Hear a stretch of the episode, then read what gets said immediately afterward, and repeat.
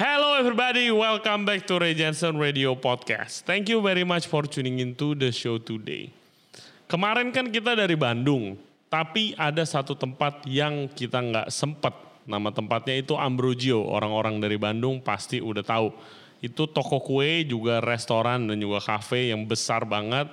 Produknya amazing dan gue pengen banget kenalan sama chefnya.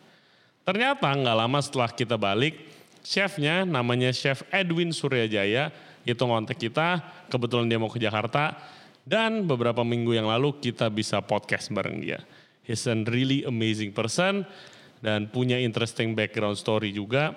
Dan yang gue respect sama dia, dia adalah owner dan juga operator dari one of the most successful restaurant di Bandung. Amazing work, chef. Dan kue-kuenya juga gue udah cobain, it's really, really good, guys. Beda lah standarnya dari yang lain. Oke, seperti biasa, jangan lupa subscribe di Ray Jensen Radio YouTube channel atau follow kita di Spotify, Apple Podcast, Google Podcast, dan Anchor App. Juga di Instagram kita at Ray Jensen Radio for further updates. And without further ado, please welcome Chef Edwin Surya Jaya. Enjoy the show.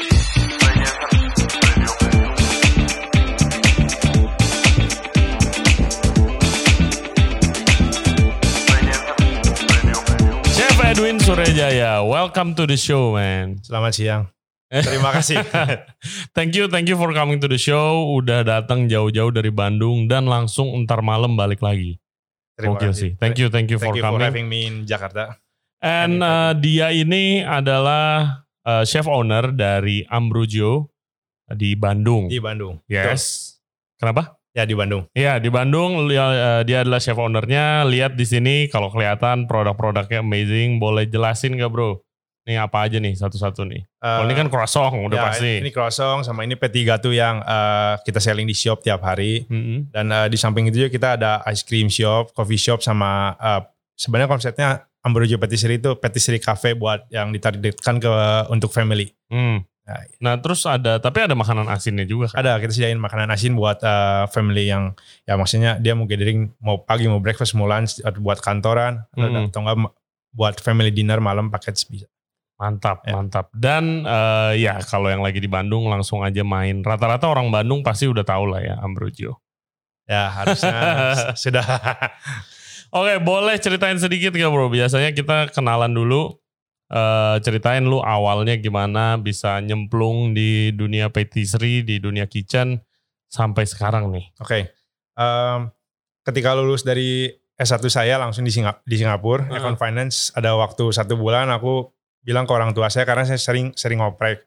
Cuma saya pikir saat itu ngoprek kalau engineering masa depannya kayak Ngoprek tuh apa sih maksudnya?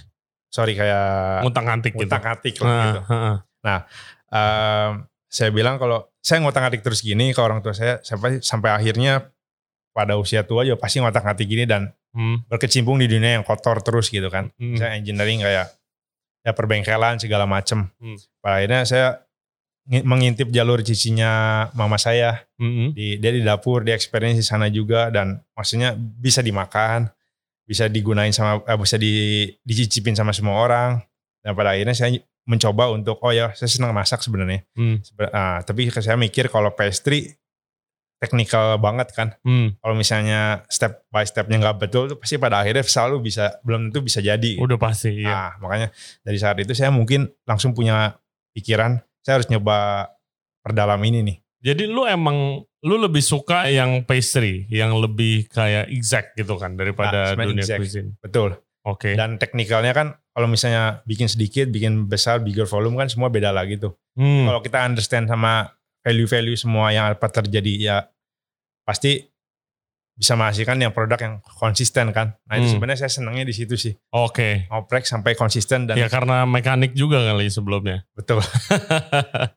Terus eh, lu sekolah di mana? Dulu belajar pastry. Uh, Le Cordon Bleu Sydney. Hmm, tapi sebelumnya udah ngambil mechanical engineering gitu. Uh, sebenarnya enggak. S1 saya finance, econ finance di Oh. Singapura. Econ Finance. Yes. Heeh.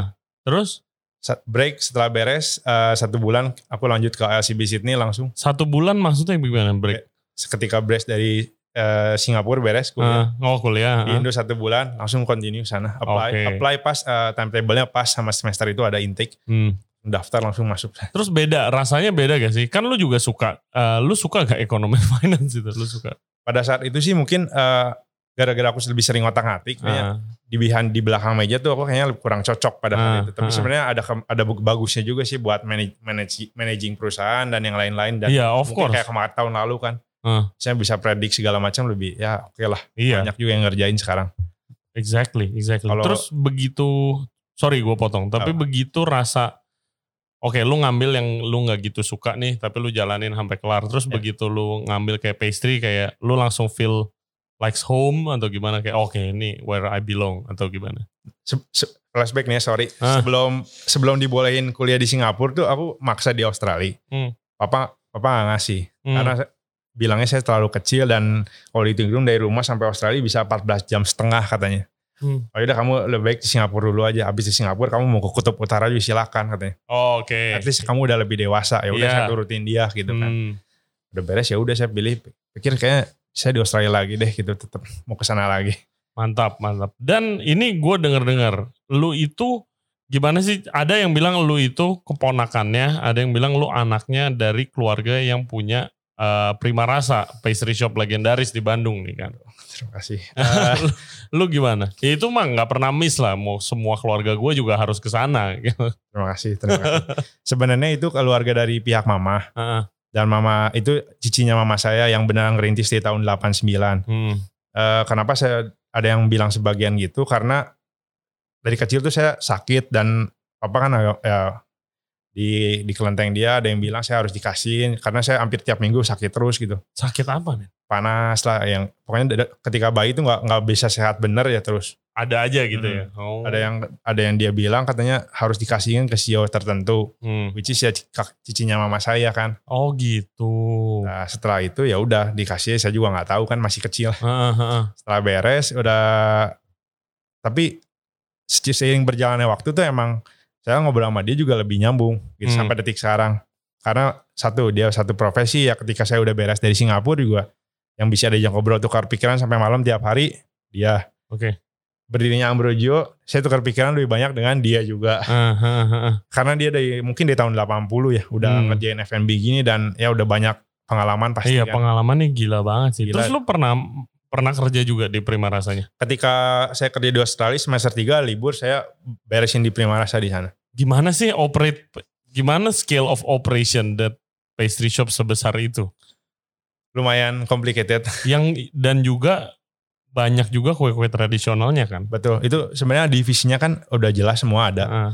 ada yang kerja dari tahun 80 masih ada pe- pegawai krunya semua wow. dan setiap divisi itu udah jalan Hmm. udah sebenarnya udah metik harus ngerjain apa dan minta di toko berapa udah dikerjain Hmm. divisi kue kering lah kue lapis segala macam Iya, maksudnya tapi gue lihat dari kayak paling simpel keramaiannya aja deh, gitu kan. Prima Rasa itu kan udah antrian bayarnya itu udah kayak lu antri kayak mau ke Dufan waktu itu lagi mau main game apa gitu kan. Maksudnya skala itu, how does it feel? Lu baru abis dari Australia, lu ke sana terus lihat operation sebesar dan seluar biasa itu gimana? kalau eh, Kayak kaget ya gitu. kaget sih kaget soalnya berbanding juga kan saya di, di Australia juga ngintip-ngintip kayak Hmm. pabrik yang lain gimana sih flow-nya apa Hmm. segala macam ternyata ya di Bandung juga ada yang kayak gini gitu pabrik-pabrik besar di Bandung Hmm. kalau aku liatin ya banyak yang mereka masih kayak pada saat itu belum semodern yang mereka lakuin di Australia kan Hmm. makanya maka dari itu ya mungkin ini tugas saya gitu buat ganti sedikit ke otomatik otomatik yang Oke. lebih signifikan gitu Hmm. tanpa mempergunakan banyak orang yang banyak tapi Hmm. efisiensinya tinggi Iya, gue sifon ketan hitam paling doyan. Oh iya. itu Nah, itu paling divisi juga ada beda lagi Oh gitu. Ah, itu. Maksudnya divisi oke divisi kue kering gitu atau Eh, divisi yang kue basah, kue kering, Ah. dan eh, kue basah ah, beda semua. kayak brownies beda Eh, lagi iya. gitu ya. Oke oke. Tapi in the same building semua. Hmm. Gila segede apa itu buildingnya? Lumayan. di Bandung juga dong pasti Di kan. Bandung di seberang tokonya. Oh oh langsung. Langsung. Oke nice nice. Terus lu begitu decide untuk buka Ambrojo itu kenapa sih? Kenapa nggak kerja dulu biasa? Kayak gue nih, gue Hmm. kerja hampir 9 tahun kerja sama orang, Oke. baru berani nih. Oke. Gitu kan. Ini juga lucu, lucu juga. Nah. Lagi siang hari, saya lagi libur semester terakhir kalau nggak salah. Hmm. Eh, Even masih kuliah nih masih berarti. kuliah, ya? lagi Oh. libur. Saya ngobrol sama cici mama saya ini. Hmm. Eh, saya panggil mami kan. Mam kalau mau makan nggak? Eh udah makan siang dulu sekarang ke sini lagi di jalan tuh aku ngomong dia kayak "Oh, kalau bikin coffee shop kayak yang kayak gini-gini kafe gini boleh nih Win. Kayaknya konsepnya gini gini gini, gini. oke. Hmm. lagi jalan di tengah jalan tuh ngelihat bangunan yang kanan saya nanya ini kayaknya bagus nih kalau dibagi jadi. Jangan jalan itu tuh nggak ada kehidupan sama sekali. Ah, cuma kayak satu bangunan tua doang. Semenjak dari situ saya eh, ya udah dia langsung tanya-tanya ini itu Hmm. ya udah deh saya jalanin kamu beres kapan setahun lagi aku Nah. Gak lama ya udah aku bikin dan dia langsung nanya ke aku kamu bikinnya kayak mau kayak gimana ya menurut aku aku pengen suka pengen pagi ada croissant siang makan sore bisa ngopi lagi malam dinner gitu hmm. Beras itu cuma ngayal mau gitu aja kan Iya. tapi setelah dijalanin ya berat juga semuanya Iya iyalah, gila loh. Let alone ya gue lihat eh, dari Instagramnya, gue belum pernah sih ke sana. Kemarin ke Bandung sayangnya nggak sempet. Tapi kayak lu yang kayak tadi lu bilang one stop shop gitu kan. ya Biasanya orang operate restoran aja udah ribet. Ini plus pastry aja udah ribet pastry Betul. shop gitu kan. Itu what are the most difficult challenges you have to overcome? kalau sekarang Iya. tetap kan ngurusin sumber daya manusianya Oh. Ya, itu Iya, iya. di mana pun kayaknya itulah tetap Di Bandung gimana sih marketnya? Orang ngerti gak apa yang lu jual? Kayak gue tadi makan lemon tart is really good. Tapi tadi kita sempat discuss ya, ini gue nggak bisa bikin asam-asam nih, harus Betul. harus manis nih, gitu. Em, ada certain parameter yang kita harus tanya lah ke Hmm. beberapa segmen orang. Hmm. Kayak ke anak muda kalau segini udah oke belum? Hmm. Terus nanti ke orang-orang orang tua yang mungkin zaman sekarang kan banyak yang ngomong, "Duh gua takut mah, gua takut mah." Gitu. Iya, iya, Makan asam, makan coklat, makan kopi. Ya, Padahal iya, bukan gara-gara ngelihat kopi arabica gitu dia langsung kayak, "Aduh, gua takut sakit mah." iya. Padahal Rada ya, asam, sakit lambung. Dibanding rebusnya Iya. lebih jahat rebusnya juga gitu kan. Hmm. Oh really?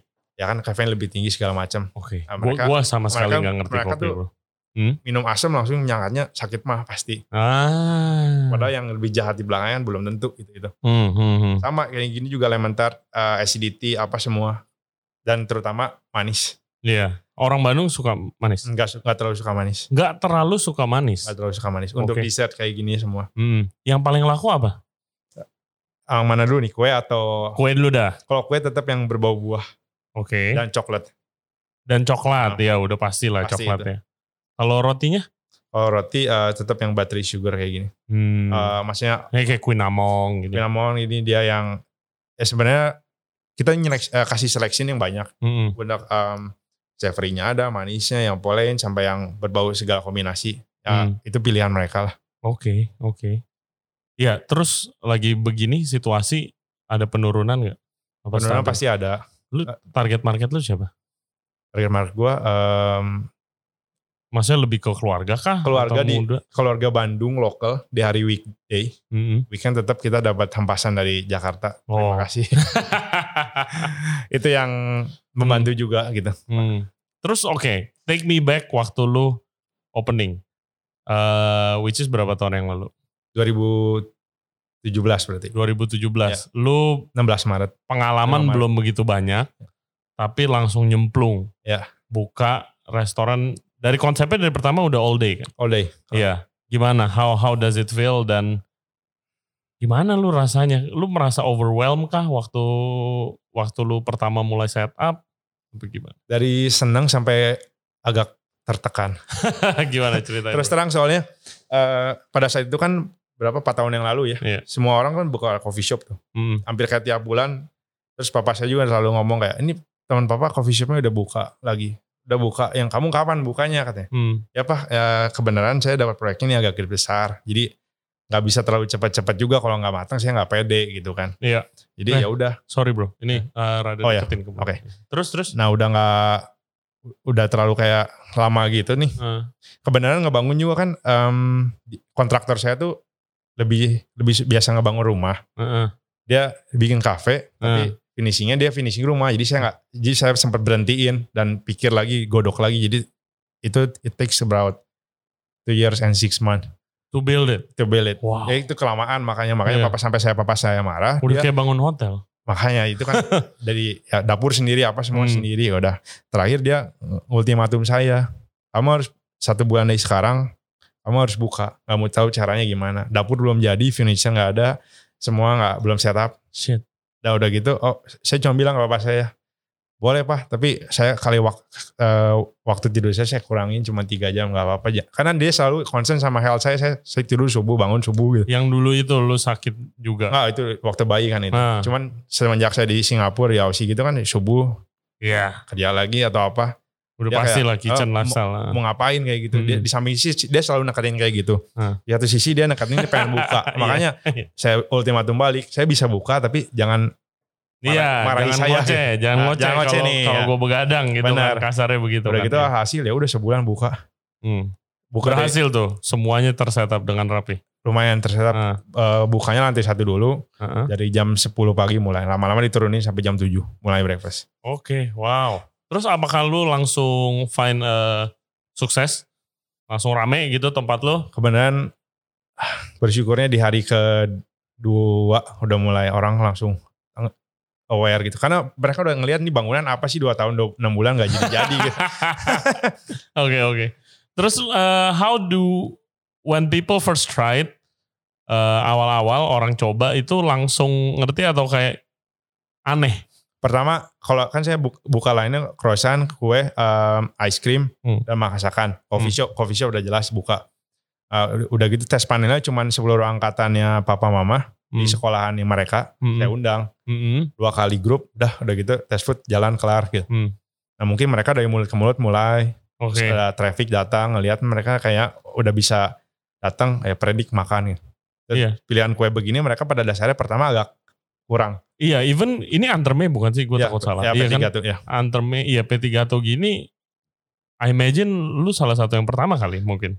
Banyak sebelumnya. Oh sebelumnya Banyak, udah banyak. banyak, Jadi banyak. orang udah udah mulai tahu lah. Udah gitu. tahu, udah tahu. Dan yang ngerjain supply di Bandung buat coffee shop lagi gini juga udah ada. Hmm, iya gue soalnya inget dulu, dulu banget sih waktu Jakarta itu kayak ada temen gue dia mulai nyajin anterme gitu, Ya. itu pada nggak ada yang tahu, bener-bener nggak ada yang tahu ini apa ya gitu kan. Tetap yang laku sih di Bandung kue yang ber- harus digigit. Hmm, iya. Ya nggak bisa creamy. Hmm, hmm, hmm. Nah terus eh, kalau makanannya sendiri apa boleh diceritain sedikit makanan di Ambrogio, makanan asinnya ya? Ya. Itu kayak gimana konsepnya? Konsepnya sebenarnya western dan Asia buat orang yang nggak bisa makan terlalu milih mau western makan tiap hari. Hmm, Itu doang sih udah. Oke oke, comfort food gitu gitu. Comfort foodnya. Ya gue lihat di Bandung itu eh kemarin karena baru dari Bandung gue itu really encouraging sih for F&B ya. Ya. Gitu dan ini masih masa pandemi hitungannya tapi eh gue udah tiga tahun tuh nggak ke Bandung kan. Terus kemarin ke Bandung berubah di mana kayak banyak konsep-konsep yang restorannya gimana cool kayak lifestyle gitu. Ya. Makanannya comfort food tapi mulai ada kayak sentuhan chefnya gitu loh. Ya. Nggak cuma aglio olio sama salmon grill teriyaki tok gitu loh. Tapi udah ada kayak gue ke Dailah, restoran Ya. Dailah Oh, ya. itu Prabu. itu really good menurut gue really good.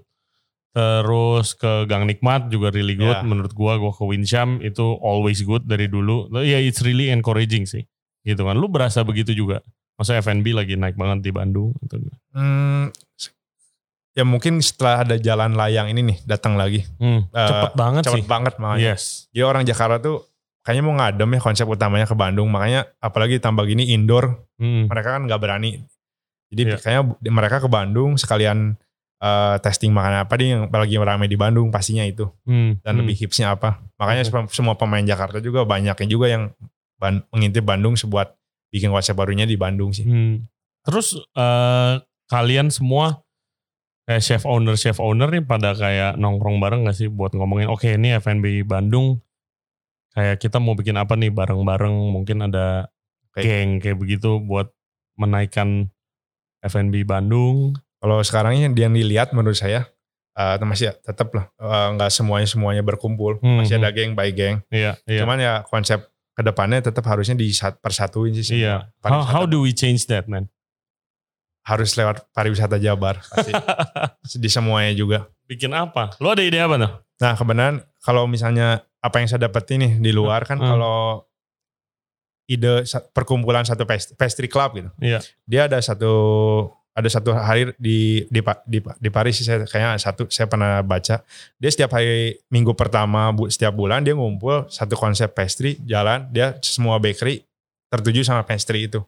Nah itu kan jadi kayak nanti versionnya tiap bakery tiap pastry shop keluar produk masing-masing kan. Hmm. Dan itu tuh untuk kita ngangkatnya lebih gampang menurut saya gitu. Iya, anything. Betul. Kayak Nah. kalau bareng-bareng sih it's easier kan. Betul. Nah, Hmm. banyak kan langsung dilihat orangnya lebih banyak, exposure lebih banyak. Nah, menurut saya sih itu doang yang pemain F&B di kota saya, Iya. apa pun di Jakarta belum belum sampai terjadi gitu. Iya, gua mungkin nih ya kayak gue mau terangin ke listeners gue dulu sebentar ya. Jadi guys, kayak eh, kita kan chef-chef tuh sering contoh nih curhatannya itu kayak oh kok kita jualan harus itu-itu doang sih nggak bisa kreatif. Kalau di Betul. Jakarta sering ada problem itu. Ah Betul. market maunya makanan Indonesia harusnya murah, makanan Indonesia mahal dikit nggak ada yang beli. Contohnya kayak gitu. Tapi mau ngubah persepsi market itu kan harus build something. Betul. Nah, mayoritas chef-chef di Indonesia itu berkumpul di satu gengnya lah gitu kan. Edwin mungkin ada gengnya sendiri, gua sama teman-teman gua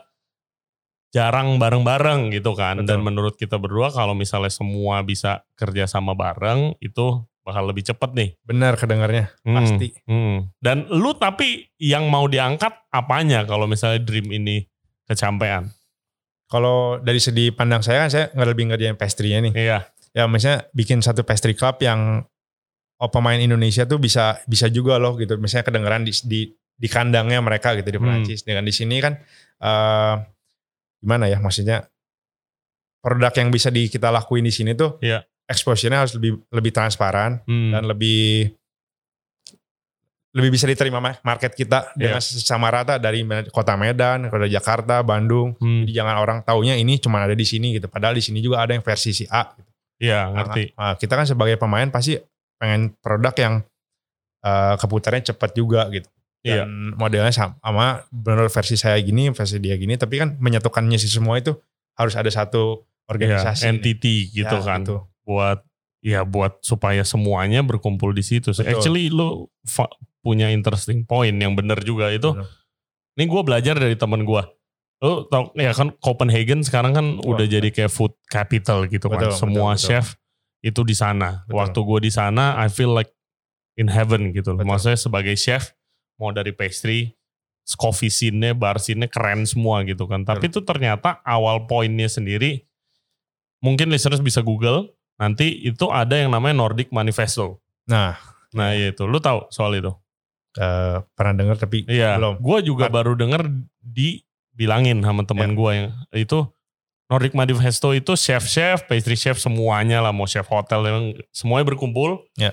buat bikin kayak ya kita kayak sumpah pemuda gitu lah Ya. kalau zaman dulu. Jadi kita kita janji bakal buka apa pun restoran kita pakai ingredients lokal yang kita shine Oh, gitu. keren Biar tuh. shine through kita bakal konsepin ya konsep di Denmark sendiri yang konsepnya ya lo kalau winter kalau fall ya harus foraging Ya. lo harus mancing karena ya basically nggak ada sayur gitu Ya. kan dan what fast forward ada support pemerintah juga tapi ya fast forward 10 years 15 years ya look at them now gitu Ya. kan dan kalau kita bilangnya kayak oke makanan Indonesia semuanya harus mau lebih dikenal ya harus kayak begitu sih menurut gua harus saling support dan deal gini nih Bener. Dan susah loh gitu mungkin menurut saya tembusan pertamanya harus ke ya pariwisata dulu. Hmm. Maksudnya dia mau ngadain either klub yang benar serius, wadah Hmm. yang buat bisa diskusi yang hmm. ya maksudnya diskusinya mau di- lebih di- lebih lebih spesifik Iya. atau enggak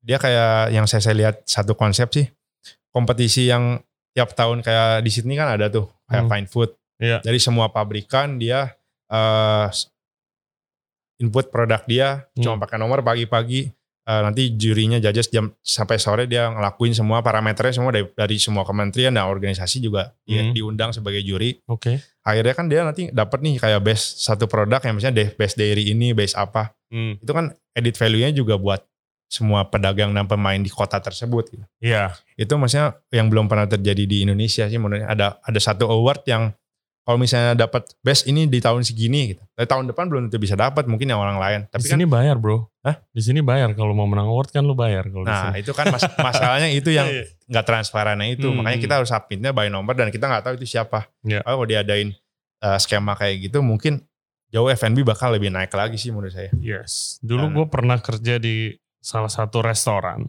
Hmm. Tiba-tiba restoran ini Ah. yang gue bikin, gue setup itu dapat eh, best up and coming restaurant Oh. nomor satu satu Jakarta. Gue tahu gue yang bikin loh. Hmm. nggak segitu gitu loh. Banyak restoran yang baru buka Benar. dari grup besar gitu gue tahu dan waktu gue tanya ya ternyata bayar gitu. Siapa yang Oh. lebih kuat aja. Lu mau nomor berapa nih? Nomor satu, nomor dua, nomor tiga, nomor empat, nomor lima. Ada budgetnya sendiri-sendiri. Kurang seru sih ya. Ya, tapi uh, I think it's getting better. Kayak at least kalau dari kita kan kalau mau exposure perlu media kan. Betul. Tapi dari beberapa media ada yang udah komit nih, kayak Ya. oke capek nih, mau ada award harus bayar dulu. Ya, nah itu. Iya gitu kan. Jadi kayak komit ya gue bikin yang or- lebih organik lah. Betul. Whatever you want to say it lebih organik supaya gitu. Ya I think everybody everybody I think agreed udah lumayan lah. Sekarang udah lumayan. Terus kalau pastry Indonesia sendiri gimana sih? Lu main nggak pastry Indo? Eh, maksudnya di produk atau Iya di produk, di produk. nggak terlalu. Cuman aku lebih sukanya kombinasi coklat, coklat kopi. Nah itu karena aku juga ngadain kopi Hmm. juga. Jadi Hmm. lebih ekspor di situ sih. Oke. Dua, dua flavor itu. Biasa kan kalau zaman sekarang tuh kalau di Jakarta flavor ada ya?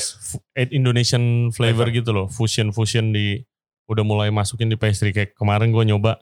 Ini shout out to Chef Keisha, ada pernah Ya. gue undang. Dia bikin cookies rasa tolak angin. Keisha Hakim. Keisha Putri namanya. Oh, siapa? Dia itu dari Sydney. Oke. Eh, dia pernah jadi pastry chef di Benelong. Oke. Terus eh, balik ke sini pandemi jualan cookies online dia bikin itu rasa tolak angin cookies. Coba nanti. Iya, masih ada ntar abis ini gue kasih lu. Siap. Shout out. Eh, menurut gua unik sih rasanya. Eh, terus kalau lu sendiri lu punya harapan apa nih buat eh, Bandung atau buat chef-chef pastry as general ke depannya? Buat pemain yang baru gitu. Hmm? Kalau buat pemain, maksudnya aja, makanya jalanin aja semua yang emang emang marketnya udah ada. Itu Hmm. sih sebenarnya mah. Hmm. Kalau misalnya bekerja sesuai ego juga pada akhirnya eh, apakah worth it dijalankan dengan yang market belum tentu appreciate itu gitu. Iya. Karena pada akhirnya balik lagi harus ada benefit lebihnya yaitu maksudnya kom- komersilnya apa nih gitu Hmm. kan. Dari se- Dari segi produk baru nanti dari situ develop ke ego lagi.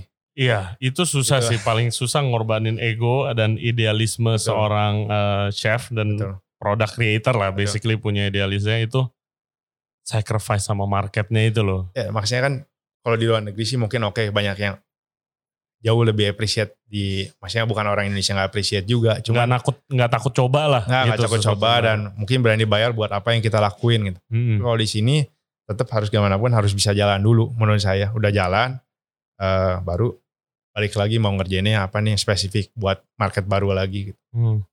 Daripada nanti bisnisnya juga pada akhirnya Iya, kurang karena jalan. kalau nggak ada bisnis, ya bisnisnya nggak jalan ya udah tutup. Nah, tutup dan nanti kan ngulang lagi frustasi lagi gitu mau, Hmm. mau gimana gitu. Exactly, exactly. Kalau misalnya bekerja sendiri sih nggak masalah tapi kalau udah ada pegawai yang ikut kerja gitu Hmm. harus itu juga harus mikirin mereka lah. Yes. Kalau misalnya lu bisa nih, eh ego lu nih, lu mau bikin outlet kayak apa emang ya? Kalau misalnya lupain nih soal market-market nih, lu bisa idealis 100% nih.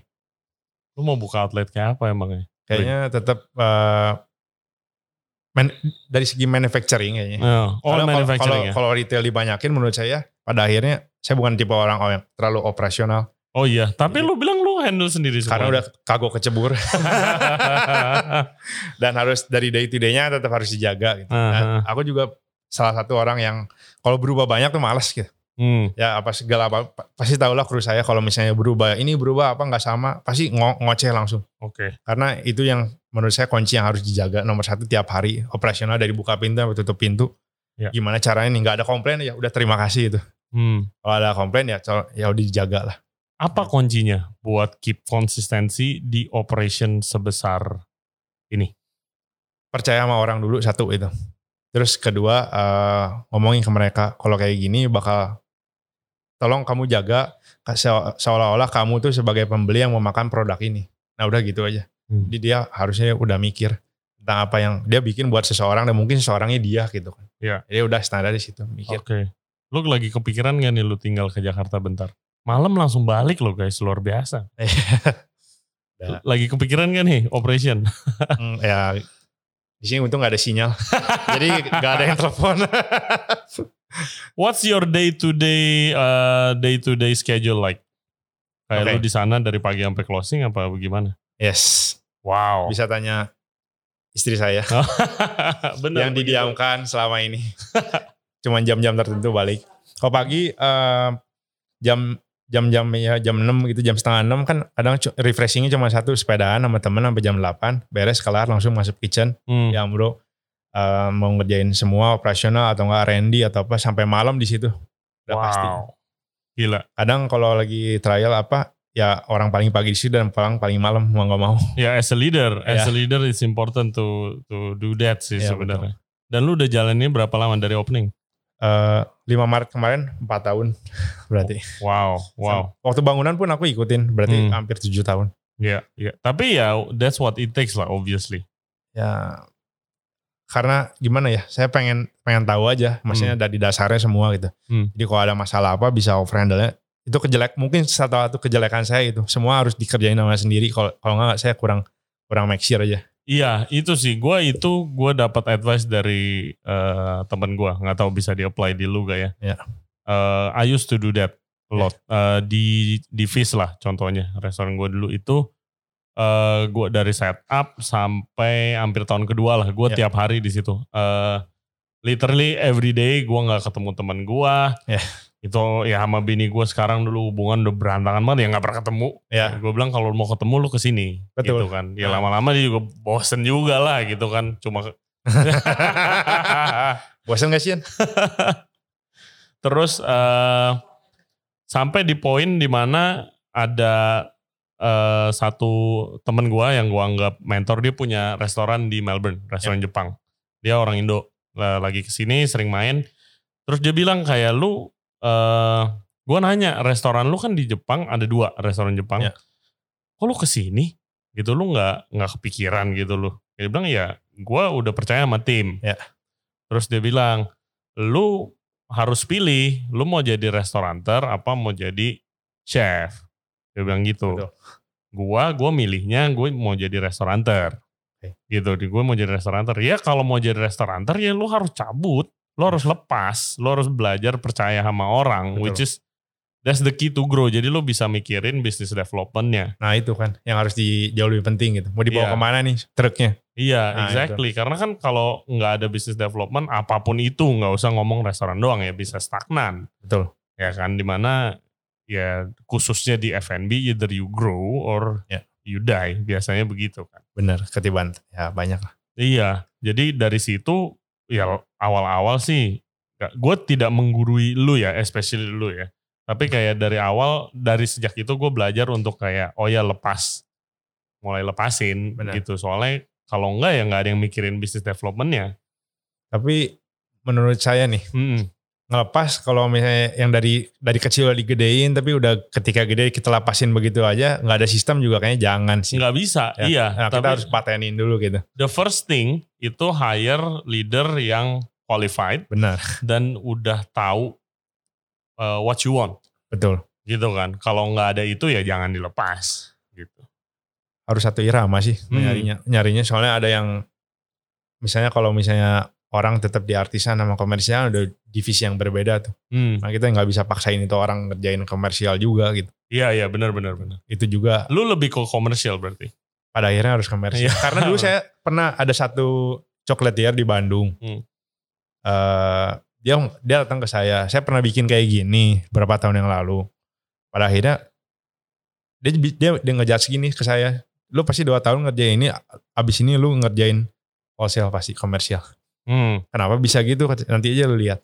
Pada akhirnya pada akhirnya kita juga ngerasain sih maksudnya saya ngerasain kalau retail kan ya patokannya yang tadi gitu. Dari open sampai tutup kita kita dagangin kita ini sedangkan kalau wholesale kan udah jelas semua rinciannya. Iya. efisiennya segini produksi segini oh jadi kalian segini. juga supply ke ada ada supply juga. Oke wow. Kalau yang punya pastry-pastry di Bandung dan sekitarnya jangan lupa order dari Ambrogio mantap sosial media lu apa men biar orang-orang bisa follow lu kalau mau order atau apa Eh, patisserie Ambrogio Hmm. yang ya, nanti aku ketikin Iya, nanti gua kasih juga Di sini. description-nya. Well, terus eh, lu tadi mention itu soal kesulitan soal HR.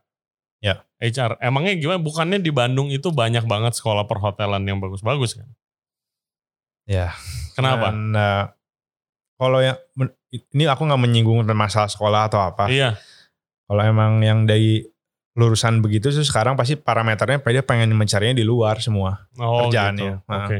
Which is ya ya kalau mau nyari ilmu, mau nyari experience apa semua di sini juga tau bisa kan Hmm. sebenarnya. Aku Hmm. kasih kebebasan juga mau ngoprek mau segala macam. Iya. Asal ya balik lagi ke orang yang emang beneran ngulik atau enggak nih gitu. Hmm.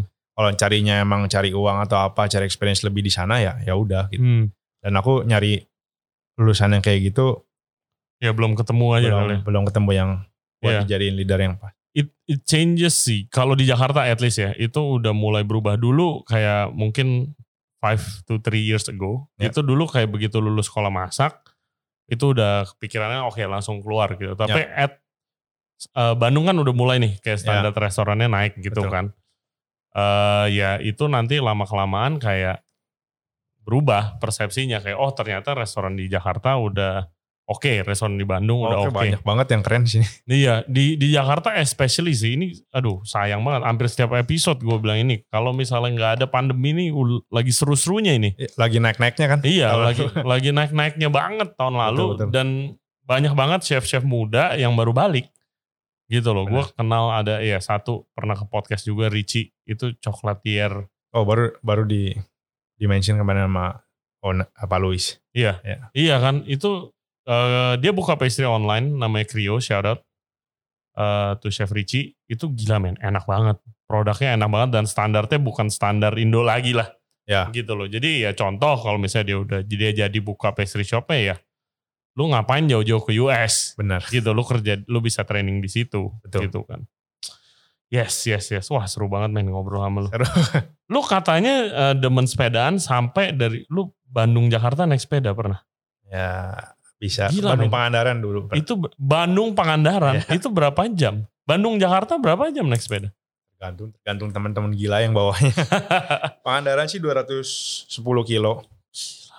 iya gue gua Google nama lu terus di YouTube juga keluarnya video sepeda Oh, iya. komunitas sepeda Oh, Waduh. malahan gila men terus eh, lu ada target apa personal target ke depannya Eh, personal target sih lebih bikin produk masal yang lebih konsisten udah pasti itu. hmm. Dan dengan dengan bikin dapur yang lebih standarisasinya lebih bener lah dari sekarang. Karena dulu kan dipaksa harus buka semua dan berjalan. Hmm. Nah sekarang ya mikir pasti harus lebih dewasa gimana nih supaya dapurnya settle, lebih efisien, lebih semua oke lebih baik.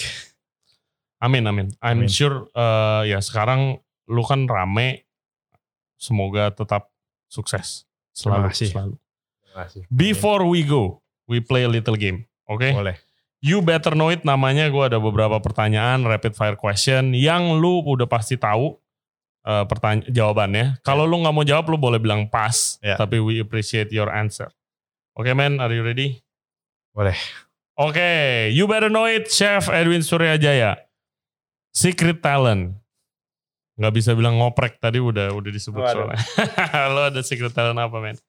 Mungkin kalau yang gua rasain ya, Hmm, pokoknya kalau ada masalah ada apa harus bisa ada jalan keluarnya secepat mungkin. hmm. Dan dan kalau sampai nggak bisa merek mekanik saya atau apa sampai ngebenerin mesin apa, ya saya at least bisa fix it Oke, properly dan cepat dan ya bisa lah gitu. Pokoknya harus bisa, harus selalu bisa di apa pun. mantap. Itu a good uh, a good mindset. Ada masalah apa pun langsung diselesain cepet-cepetnya. Jangan di diemin aja gitu. Betul. Ntar malah makin gede. Great. Kedua, if you could trade places with anyone in the world for one day, who would it be? Hmm, in terms of bisnis ini, Hmm, eh, ada satu chocolatier lah hmm. yang saya penasaran sama kehidupannya dia karena saat ketika saya datang tokonya tuh even megang coklatnya aja nggak boleh Damn. Ah. Di mana? di di, di Paris Oh di Paris. Siapa nih siapa? Patrick Roger Patrick Roger. Itu kan Oh, dia kayak-. Hmm. more than seniman lah menurut saya itu Hmm. karena dia eh, di tokonya standar sih nggak bisa cuma bisa boleh lihat itu nggak boleh apa nggak boleh semua terus lihat Messi factory-nya kan dia kalau ya maksudnya bukan kayak sebagai dapur coklat biasa gitu kayak Oke. museum gitu Wow. menurut aku ya kalau misalnya thread pengen tahu kehidupan dia ya mungkin di pastry basic ini ya mungkin Hmm. dia lah gitu. Nice. Biasanya orang datang ke sini, oh enggak, I'm happy of uh, what I got. pengen Gitu, tahu ya maksudnya secara kehidupannya Iya. di tokonya aja high standard gitu Hmm. dianya tuh ada satu ya, ya sorry aja ini aku pasti bilang pasti ada suatu keanehan gitu Hmm. di kehidupannya dia Hmm. karena biasanya orang-orang aneh yang bisa timbul di nama Iya. pasangan aneh kan Biasanya iya, yang punya ada something lah happen gitu Betul. biar dia bisa gitu. gitu itu sih kayaknya menarik Siap, keren, keren. Karakteristik you value most in other people. Ini orang ketika dia satu sopan ya cukup Sopan. Ya. pasti saya juga sopan nih Hmm. kalau dianya sesuatu lawan bicara saya gimana pasti saya juga ya udah jaga jarak Oke, mantap. Ini gue sopan gak bro? sopan banget Karakteristik you value most in yourself. Powerful ya kayaknya bukan Oh. itu powerful oh, bisa segala macam power nyuruh orang segala macam tapi menurut saya energi saya yang sulit habis itu Iya. selalu ditanya sama mama saya sih kamu kenapa kayak gini terus gitu nggak capek apa Naik sepeda dari Jakarta ke Pangandaran. Ya udah pasti sih. And it's it needed sih. Stamina kalau ngeran F&B bisnis ya. ya itu 16 jam udah pasti harus Iya. kuat kalau lagi awal-awal Hmm. What do you do for your mental health? Capek pasti operation gitu. in between jam pasti aku satu jam gitu ada as- makan siang kan kalau Hmm. makan sore aku ja- makan siang aku jam setengah empat jam empat aku Hmm. pasti uh, ke coffee shop orang mampir dan ngobrol Oh, udah iya, itu doang sih chilling, sambil makan bentar. udah gitu satu jam balik siap. energi full balik lagi antem lagi Good advice. Lanjut, what makes you angry, bro? saya eh, kebenaran kalau datang gitu ke toko pengen kan kayak semua aman semua tanpa disuruh udah metik jalan Ah, udah waste benar apa Ah. semua benar semua ini orderan lancar semua pengen kan kayak gitu Hmm, Tapi ada aja gitu yang Iya. gak benarnya itu dah bener. kayaknya mungkin inkonsistensi lah ya Iya. dan problem tuh semua pasti ada gitu. Hmm. cuman seberapa besar dan seberapa bisa dihandle kan pada akhirnya Iya, nah kalau misalnya ya udah sampai satu kali diomongin dua kali tiga kali nggak bisa ya harus diapain lagi gitu Hmm, dan percuma juga sampai nggak mau marah juga kok iya. itu sih kayaknya kalau inkonsistensi di kerjaan lah pasti yang buat marah Iya, tapi itu I mean operational waktu gua megang operation apa pun di restoran mau bar. Iya. Tapi itu kan kayak putting out fire kan. Tiap Iya. hari ada, ada aja. aja pasti gitu kan dan ini kalau gue bilang begini emangnya apa aja kok masalah? Ya nggak bisa disebut ada komplain tamu Betul. itu udah pasti. Karena mau segimanapun food lo konsisten rasa subjektif. Betul. Ya kan? Terus ada lagi misalnya listrik lah bener. security semuanya Sampai gitu. pale lah di Iya. depan. Ini itu kan semua ketemuannya Ah. emang ada hubung eh, cuman pada pada akhirnya kan decisionnya ke kita juga nih. Iya. Mau diapain mau diapain pak? Ini ini. Jadi begitu guys rasanya operate restoran. Iya selalu kayak ya ada aja lah. Percaya ada. Nggak mungkin. Kalau misalnya nggak ada apa-apa malah lu bingung. Nih aman banget nih bener tumben nih. Nah antara disumputin atau enggak atau nah, enggak disembunyiin. Betul itu doang. karena banyak kos-kos yang nggak terduga di Hmm. dunia F&B itu kan. Nggak cuma kayak kos ini udah jelas gitu. Nggak nggak bisa. Yes, betul. Lanjut, best advice you ever got? dari orang-orang ke saya Yes. selalu ngomongnya jaga kesehatan semua dokter ngomong yang ya jaga kesehatan muka kamu kenapa gini ya emang itu sih Iya, iya. cuman em, tak- ya saya juga tahu harus tahu batas ke diri sendiri lah intinya itu cuman harus jaga semua orang lagi jahat kayak gini tolong jaga kesehatan aja Exactly. Dan Ya. olahraga, please. Olahraga. nah itu olahraga karena itu udah terbukti Hmm. kru saya yang di toko yang tidak kurang rajin olahraga ya emang sakit-sakitan dan akhirnya diberhentiin juga kan meskipun sakitnya apa nggak jelas juga Iya. ya nggak nggak sampai kena sana cuma begitu sakit aneh bye yes. Nah, kalau yang rajin olahraga saya perhatiin semua mereka sehat semua kok. iya, Jadi iya, jangan- iya, jangan bener. lupa. Immune sistemnya lo harus jaga sih. Betul. Gitu kan. Jangan nggak yang nggak keluar oke, nggak ketemu orang, social distancing. Tapi ya again, immune sistemnya jangan dilupain. Lu Betul. jangan minum vitamin doang, Betul. harus olahraga kan. Satu lagi tidur yang benar. Yes. Meskipun saya enggak. Tidur yang cukup sampai lo punya restoran nanti. Waduh jangan aja. Worst advice you ever got? Eh, sejauh ini kalau ada orang yang ngomong pendapat jelek gitu ya Hmm. terima terus berubah aja deh udah. Mau gimana lagi soalnya.